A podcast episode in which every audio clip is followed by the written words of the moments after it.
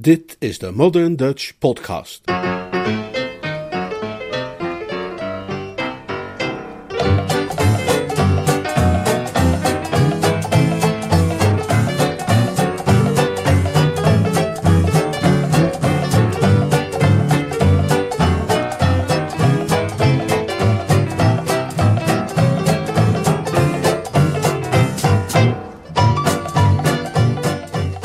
Graag gedaan.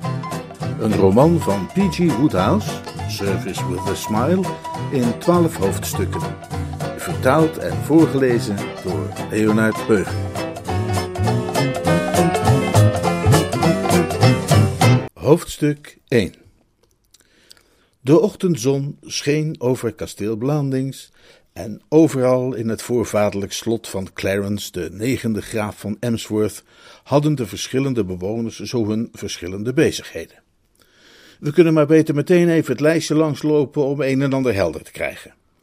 Eh, Beach, de butler, las een Agatha Christie in zijn butlerkamertje. Voels, de chauffeur, zat kauwgom te kauwen in de auto pal voor de voordeur. De hertog van Dunstable, die zichzelf had uitgenodigd voor een langdurig bezoek en er geen enkel blijk van gaf dat hij ook ooit weer zou vertrekken, bladerde door de Times op het terras ter hoogte van de amberkleurige salon, terwijl George, Lord Emsworth kleinzoon, over het landgoed rondzwierf met het fototoestel dat hij voor zijn twaalfde verjaardag had gekregen. Hij fotografeerde juist, al is dat verder eigenlijk van geen belang, een konijnenfamilie ginds bij het Westerwoud. Lady Constance, Lord Emsworth's zuster, was in haar boudoir bezig een brief te schrijven aan haar Amerikaanse vriend James Schoenmaker. Lavender Briggs, Lord Emsworth's secretaresse, liep buiten rond om Lord Emsworth te zoeken, terwijl Lord Emsworth zelf, in het gezelschap van Mr. Schoenmakers dochter Myra, onderweg was naar het hoofdkwartier van de keizerin van Blandings, zijn illustere zeug, die reeds driemaal de zilveren medaille had gewonnen op de jaarlijkse grote landbouwtentoonstelling van Shropshire.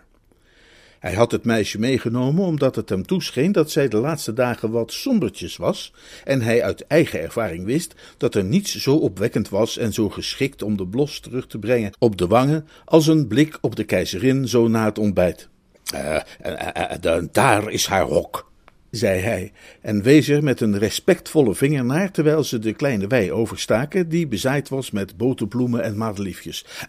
en dat is mijn varkensknecht, well-beloved, die ernaast staat. Myra Schoenmaker, die met gebogen hoofd had gelopen als was het achter de kist van een oude en gewaardeerde vriend, wierp een lusteloze blik in de aangeduide richting.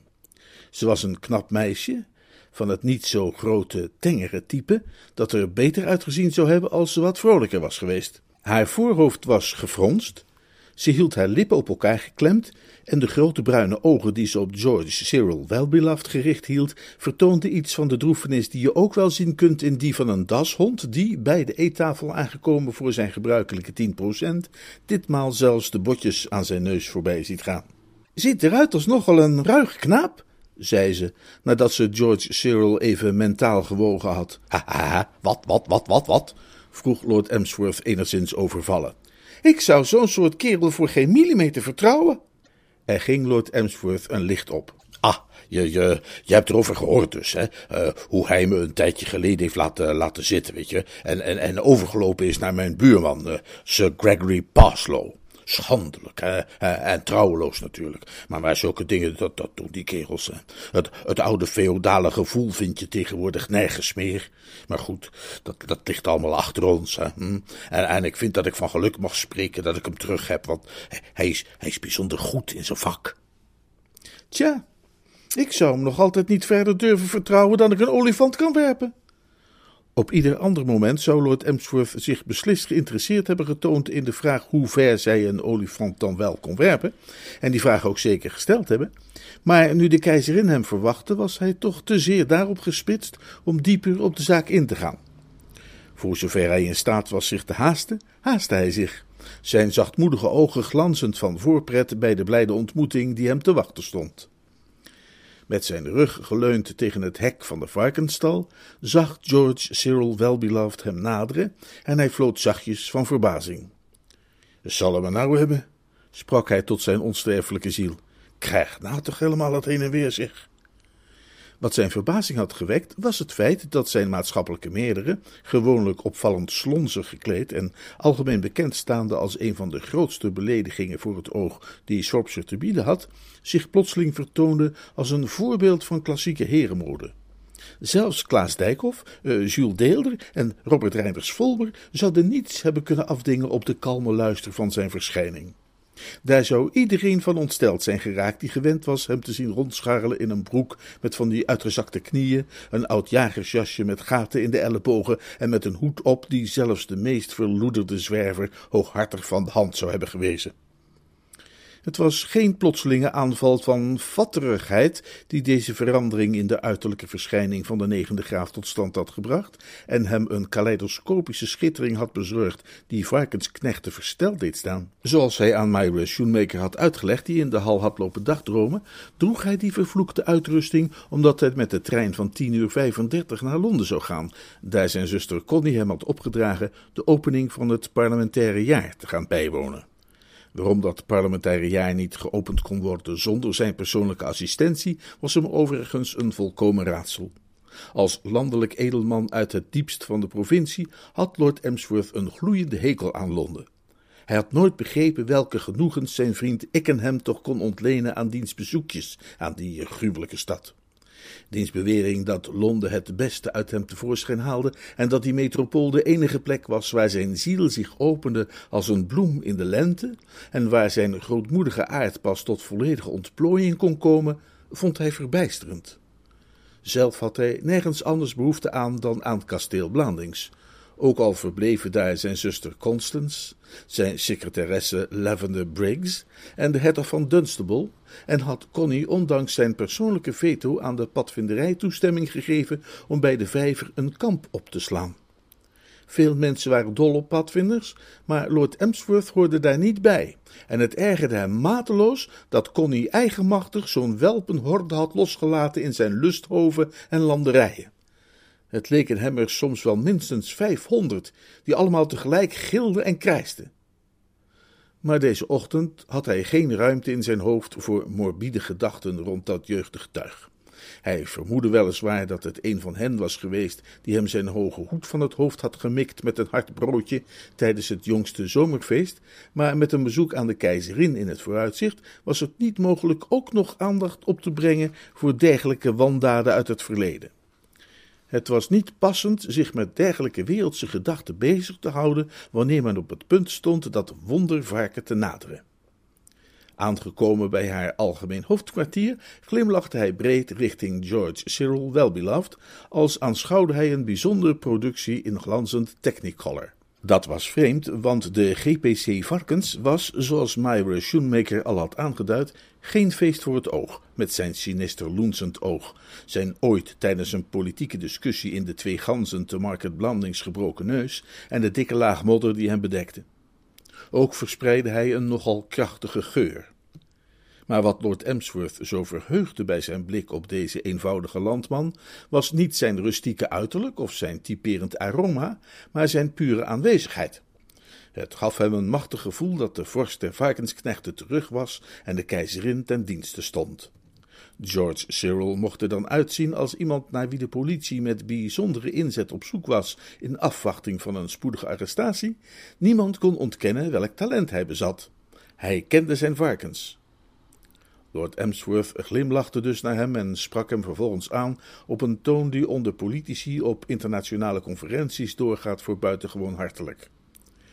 Uh, uh, morgen, uh, wel beloofd. Morgen, lord. Ke keizerin in orde, zeg.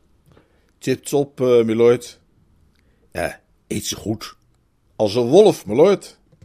Prachtig, prachtig, prachtig. Het is, het is wel het grootste belang legde Lord Emsworth uit aan Myra Schoenmaker, die het edele dier met matte blik bestudeerde, uh, uh, dat haar eetlust goed blijft. Hè? jij hebt natuurlijk ook je Wolf Leeman gelezen, dus je, weet dat een varken naar de voedingsnormen van Wolf Leeman, om, om gezond te blijven, aan voedsel dagelijks 57.800 calorieën dient te consumeren, waarvan 1955 gram proteïnen en 11.340 gram koolhydraten. Oh ja, zei Myra. Uh, en lijnzaad, uh, dat, dat, dat is het geheim. Dat en, en aardappelschillen. Ach, zei Myra.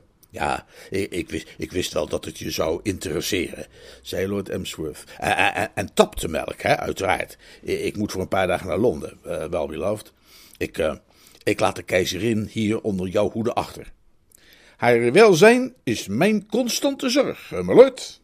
Magnifiek, uh, magnifiek, uh, magnifiek, zei Lord Emsworth. En hij zou daar waarschijnlijk nog wel een tijdje mee zijn doorgegaan, want hij was een man die, als hij eenmaal begonnen was met magnifiek te zeggen, het moeilijk vond daar ook weer mee op te houden. Op dat moment echter voegde zich een nieuwkomer bij het gezelschap. Een lange, hooghartig ogende jonge vrouw die de wereld bekeek door een vlinderbril van een bijzonder intimiderend type. Ze keek de negende graaf aan met de kille blik van een strenge gouvernante die haar pupil betrapt heeft op spijbelen. Excuseer, zei ze. Haar stemgeluid was al even kil als haar blik. Lavender Briggs had een afkeer van Lord Emsworth. Van haar vorige werkgevers had zij al evenzeer een afkeer gehad, in het bijzonder van Lord Tilbury van de Mammoet Uitgeversmaatschappij, die aan Lord Emsworth was voorafgegaan. Haar functie als secretaresse vervulde zij altijd met grote nauwgezetheid, maar het ergerde haar slechts een loonslaaf te zijn. Wat zij nastreefde, was ooit voor zichzelf te kunnen beginnen als de eigenaresse van een particuliere secretaressendienst. De vermoedelijke onmogelijkheid ooit voldoende kapitaal te kunnen vergaren om een dergelijke onderneming op te zetten, was wat haar s'nachts uit haar slaap hield en haar overdag zo bars en weinig toegankelijk maakte. Net als George Cyril Wellbeloved, die er streng communistische principes op nahield, waaraan hij ook die gebroken neus te danken had, beschouwde zij de beter gesitueerden uit haar omgeving met een schuin oog. Rijke niksneuten noemde zij die soms. Lord Emsworth, die de rug van de keizerin had staan krabben met het uiteinde van zijn stok, een attentie die door de meervoudige prijswinnares hoogelijk op prijs werd gesteld, draaide zich geschrokken om, ongeveer zoals de vrouwen van Charlotte moet hebben gedaan toen de vloek haar zo pardoes trof. Er was iets in de stem van zijn secretaresse, waardoor hij zich elke keer, wanneer zij onverwacht iets tegen hem zei, opeens weer voelde als een kleine jongen die door de boven hem gestelde wordt betrapt op het stelen van jam. Uh, uh, uh, wat? oh, hallo, Miss Briggs. lekker weertje vanmorgen? Ander dat. Lady Constance heeft mij verzacht u mede te delen dat het tijd voor u wordt om te vertrekken, Lord Emsworth. Wat, wat, wat, wat? ik heb nog tijd genoeg. Lady Constance dankt daar heel anders over. Maar mijn, mijn koffer, koffer staat toch al klaar? Ander dat. Nou dan. De wagon staat voor, en Lady Constance heeft mij verzacht u mede te delen. Al, al, goed, al goed, zei Lord Emsworth chagrijnig en voegde er voor de zekerheid nog een derde, al goed, aan toe. Het is ook altijd wat, altijd wat mopperde hij en bedacht voor de zoveelste keer dat geen van de secretariële medewerkers die hij had gehad, zelfs niet de nijvere Baxter, zozeer in staat was geweest om alle vreugde uit het leven weg te nemen als dit weerzinwekkende vrouw-mens, dat Connie, eigenzinnig als ze was, dwars tegen zijn eigen wensen in per se had willen aannemen. Altijd hem lastigvallen, altijd hem op zijn kop zitten, altijd weer opduiken uit onverwachte hoeken en altijd zeuren dat hij weer iets moest doen. Met die Leverde Briggs, zijn zuster Connie, de hertog in huis en die gruwelijke padvinders die maar liepen te gillen en te krijsen bij de vijver, was het leven op kasteel Blandings compleet ondraaglijk geworden. Somber wierp hij een laatste, talmende blik op de keizerin en ging heen met slepende tred, vervuld van een gedachte die ook zoveel voor hem hadden gekoesterd, namelijk dat de ideale manier om het parlement te openen zou zijn er een bom onder te leggen en op de knop te drukken.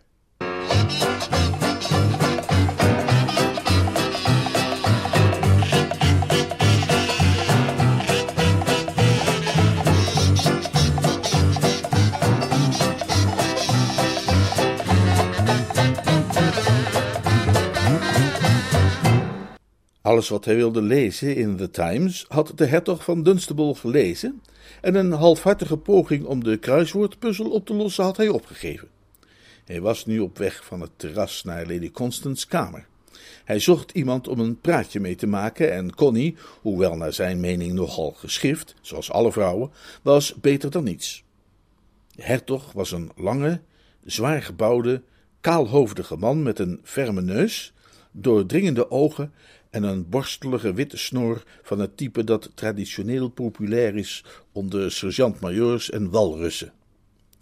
In Wiltshire, waar hij verblijf hield tijdens de periodes dat hij niet zichzelf had uitgenodigd voor lange bezoeken aan de huizen van anderen, was hij verre van populair. Onder zijn buren had hij zo ongeveer de reputatie van een haai in een zomerse badplaats. Dat wil zeggen dat men hem bij iedere gelegenheid zo rap mogelijk probeerde te ontlopen. Een autoritaire houding en een bazige manier van optreden waren de oorzaak van dat het hem lastig viel vrienden te maken en mensen voor zich te winnen.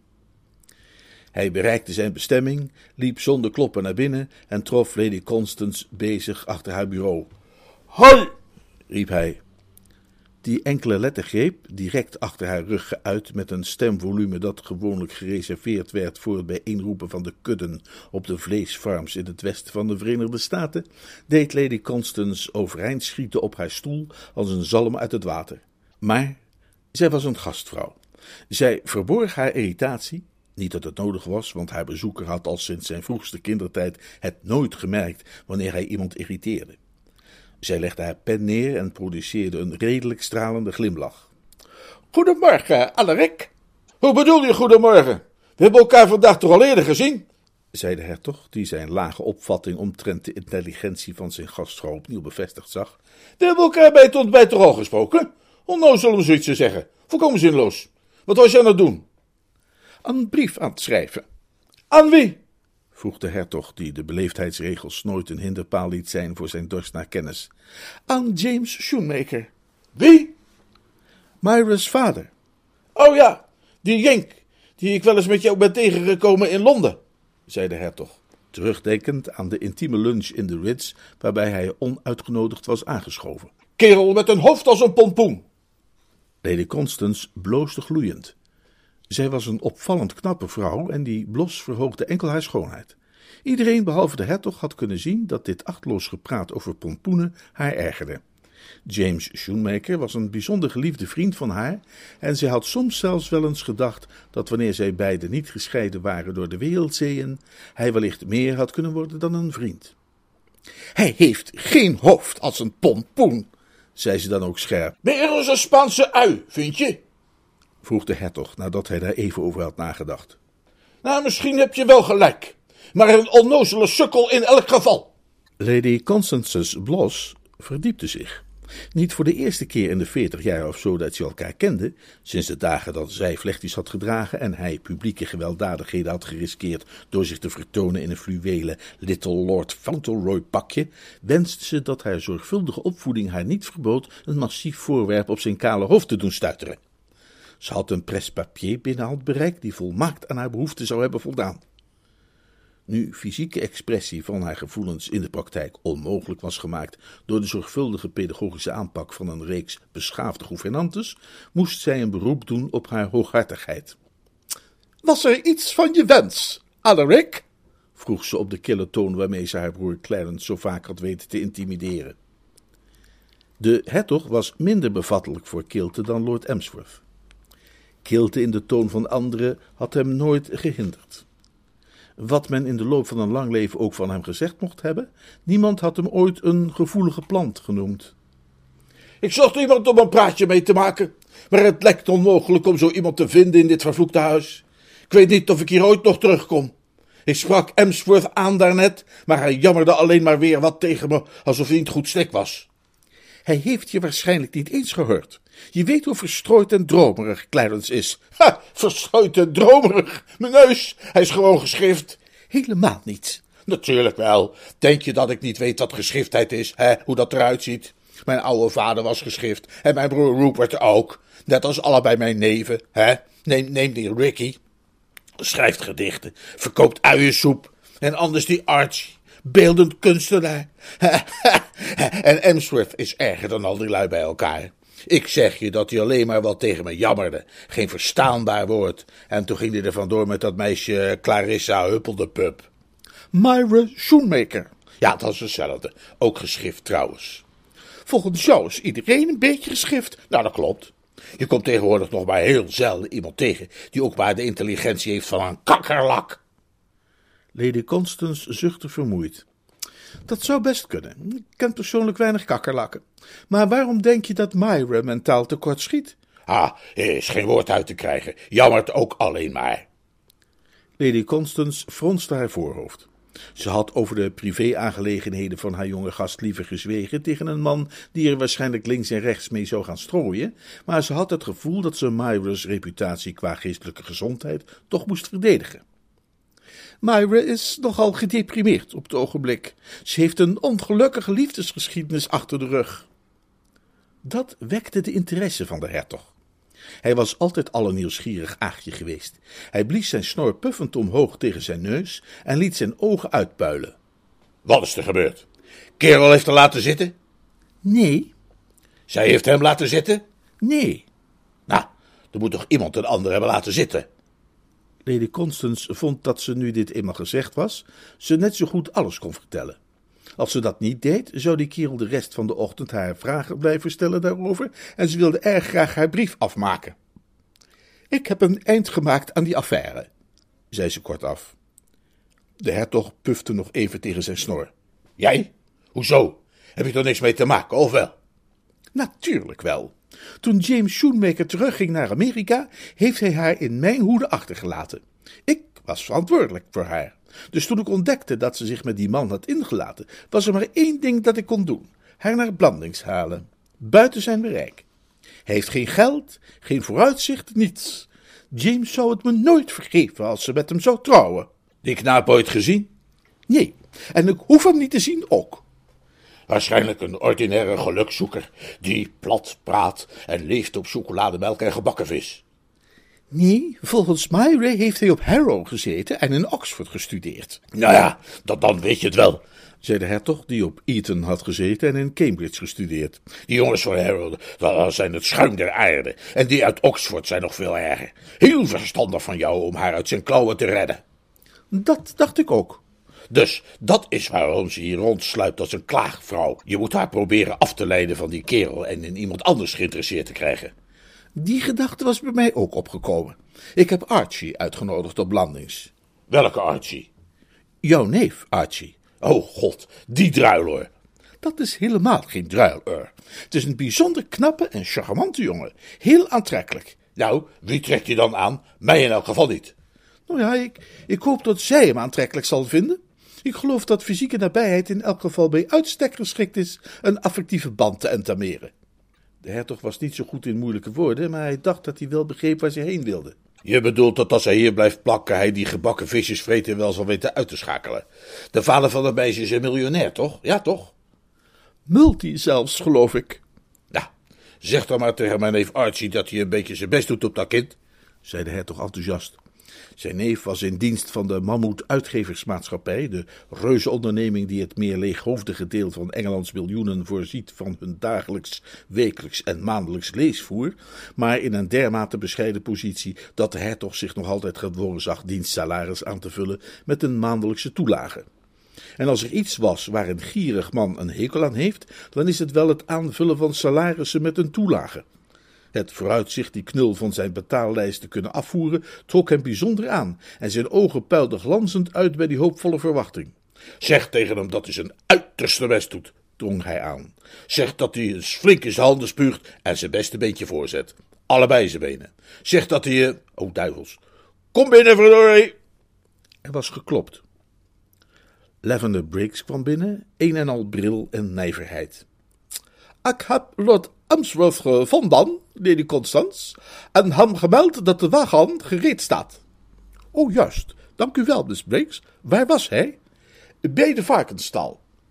Zodra de deur dicht was, ontplofte de hertog met een luide knal. Bij de varkensstal, riep hij uit. Dat hadden we kunnen weten. Altijd als je iemand nodig hebt, vind je hem bij de varkensstal.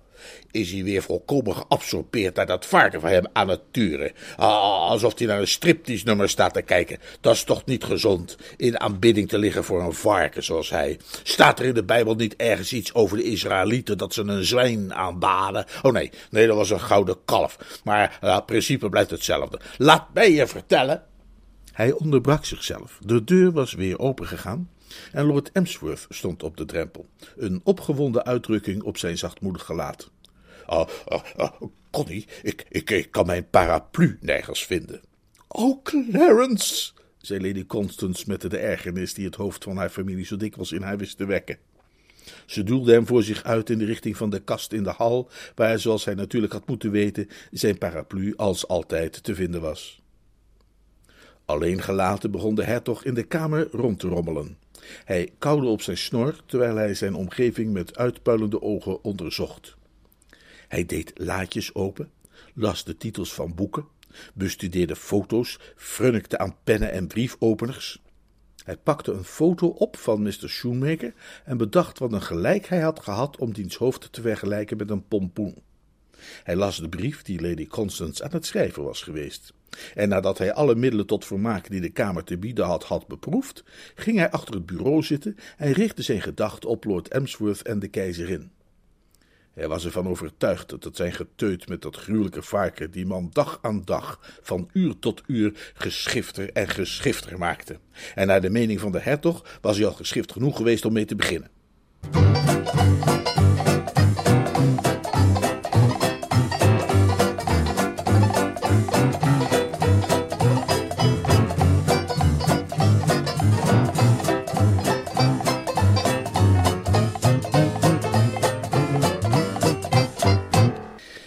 De wagen reed weg bij de voordeur met Lord Emsworth erin, zijn paraplu stevig met beide handen vastgeklemd.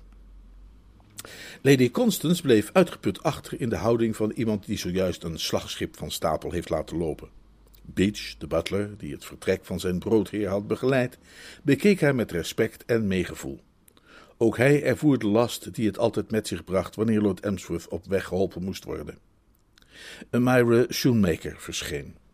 Ervan afgezien dat ze niet getooid was met zoetgeurende bloemen, zag ze eruit als Ophelia in het vierde bedrijf, vijfde toneel van Shakespeare's welbekende drama Hamlet. Oh, hallo, zei ze met holle stem. Ach, ben je daar, mijn liefje? zei Lady Constance en werd van zwaar beschadigd wrak weer helemaal de gastvrouw. En wat zijn jouw plannen voor vanmorgen? Ik weet het niet. Misschien ga ik wat brieven schrijven. Ik heb ook nog een brief af te maken aan je vader. Maar vind je het niet prettiger om buiten te zijn op een mooie dag als vandaag? Och, ik weet het niet. Hoezo niet? Ach, ik weet het gewoon niet. Lady Constance zuchtte. Maar een gastvrouw dient opgewekt te zijn, dus ging ze opgewekt verder. Ik heb net Lord Emsworth uitgezwaaid. Hij ging naar Londen. Ja, dat heeft hij me verteld. Hij leek niet erg blij bij het vooruitzicht. Dat was hij ook niet, zei Lady Constance, en haar gezicht nam een strenge uitdrukking aan. Maar hij moet zo af en toe aan zijn verplichtingen voldoen als lid van het Hogerhuis. Hij zal zijn varken wel missen. Hij zal het een paar dagen zonder haar moeten doen. En zijn bloemen, die zal hij ook missen. Er zijn meer dan genoeg bloemen in Londen. Alles wat hij hoeft te doen. Oh, oh, oh lieve hemel. Wat is er? Ik ben vergeten Clarence te zeggen dat hij echt geen bloemen mag plukken in Hyde Park. Hij zal daar gegarandeerd terechtkomen en er bloemen gaan lopen plukken. Daar is hij alles bijna voor gearresteerd. Beach! Lady. Als Lord Emsworth morgen opbelt en zegt dat hij in de cel zit en burgtocht nodig heeft, zeg dan dat hij onmiddellijk contact op moet nemen met zijn advocaten. Shoesmith, Shoesmith, Shoesmith en Shoesmith aan Lincoln's Inn Fields. Uitstekend, milady. Ik ben er dan niet. Nee, milady, maar ik heb het begrepen. Hij is vast vergeten hoe zijn advocaten heten. Ik zal zijn geheugen voor u opfrissen, milady. Dank je, Beach. Graag gedaan, milady. Maar Shoemaker staarde haar gastvrouw aan. Haar stem trilde een beetje toen ze vroeg: U, u, u bent er dan niet, Lady Constance? Ik moet naar mijn kapper in Shrewsbury en lunch daarna bij vrienden die daar wonen. Met het diner ben ik uiteraard weer terug. Maar nu moet ik echt eerst even die brief aan je vader gaan afmaken. Ik zal hem de groeten van je doen. Ja, eh, graag, zei Myra en haastte zich naar Lord Emsworth's studeerkamer, waar de telefoon stond. Het nummer van de man waarvan ze hield stond op haar hart gegraveerd. Hij logeerde op dit moment bij een oude vriend uit Oxford, Lord Ickenham's neef Pongo Twistleton. Tot nog toe had ze alleen geen gelegenheid gehad dat nummer te bellen. Met de hoorn in de hand en een bezorgd oog op de deur, want hoewel Lord Emsworth was vertrokken, kon altijd nog Lavender Briggs onverwacht komen opdagen, hoorde ze de telefoon overgaan in het verre Londen, totdat uiteindelijk een stem weer klonk. Liefste, zei Myra, ben jij dat liefste? Ik ben het liefste. Liefste? antwoordde de stem vol toewijding. Liefste, zei Myra, ik heb geweldig nieuws, liefste. Lady Constance gaat morgen haar haar laten doen. Oh ja? zei de stem, kennelijk een tikje verbouwereerd en er niet zeker van of het wel gepast zou zijn de hoop te uiten dat ze er mooi weer bij zou hebben. Maar snap je het dan niet, Suffie? Dan moet ze voor naar Shrewsbury en ze blijft de hele dag weg, zodat ik er tussenuit zal kunnen knijpen naar Londen, waar we dan kunnen trouwen. Het bleef even stil aan het andere eind van de lijn. Het ligt voor de hand te veronderstellen dat de eigenaar van de stem van zijn adem beroofd was. Toen hij die begon terug te vinden, zei hij: Uh, ah, juist. Ben je dan niet blij? Ja, maar natuurlijk wel. Nou, zo klink je anders helemaal niet. Luister, liefste.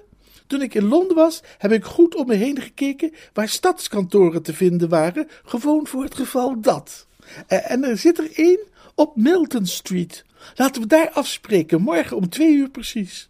Ik moet nu ophangen, liefste. Er kan elk moment iemand binnenkomen. Tot ziens, liefste. Tot ziens, liefste. Tot morgen, liefste. Heel fijn, liefste. Tot ziens, liefste.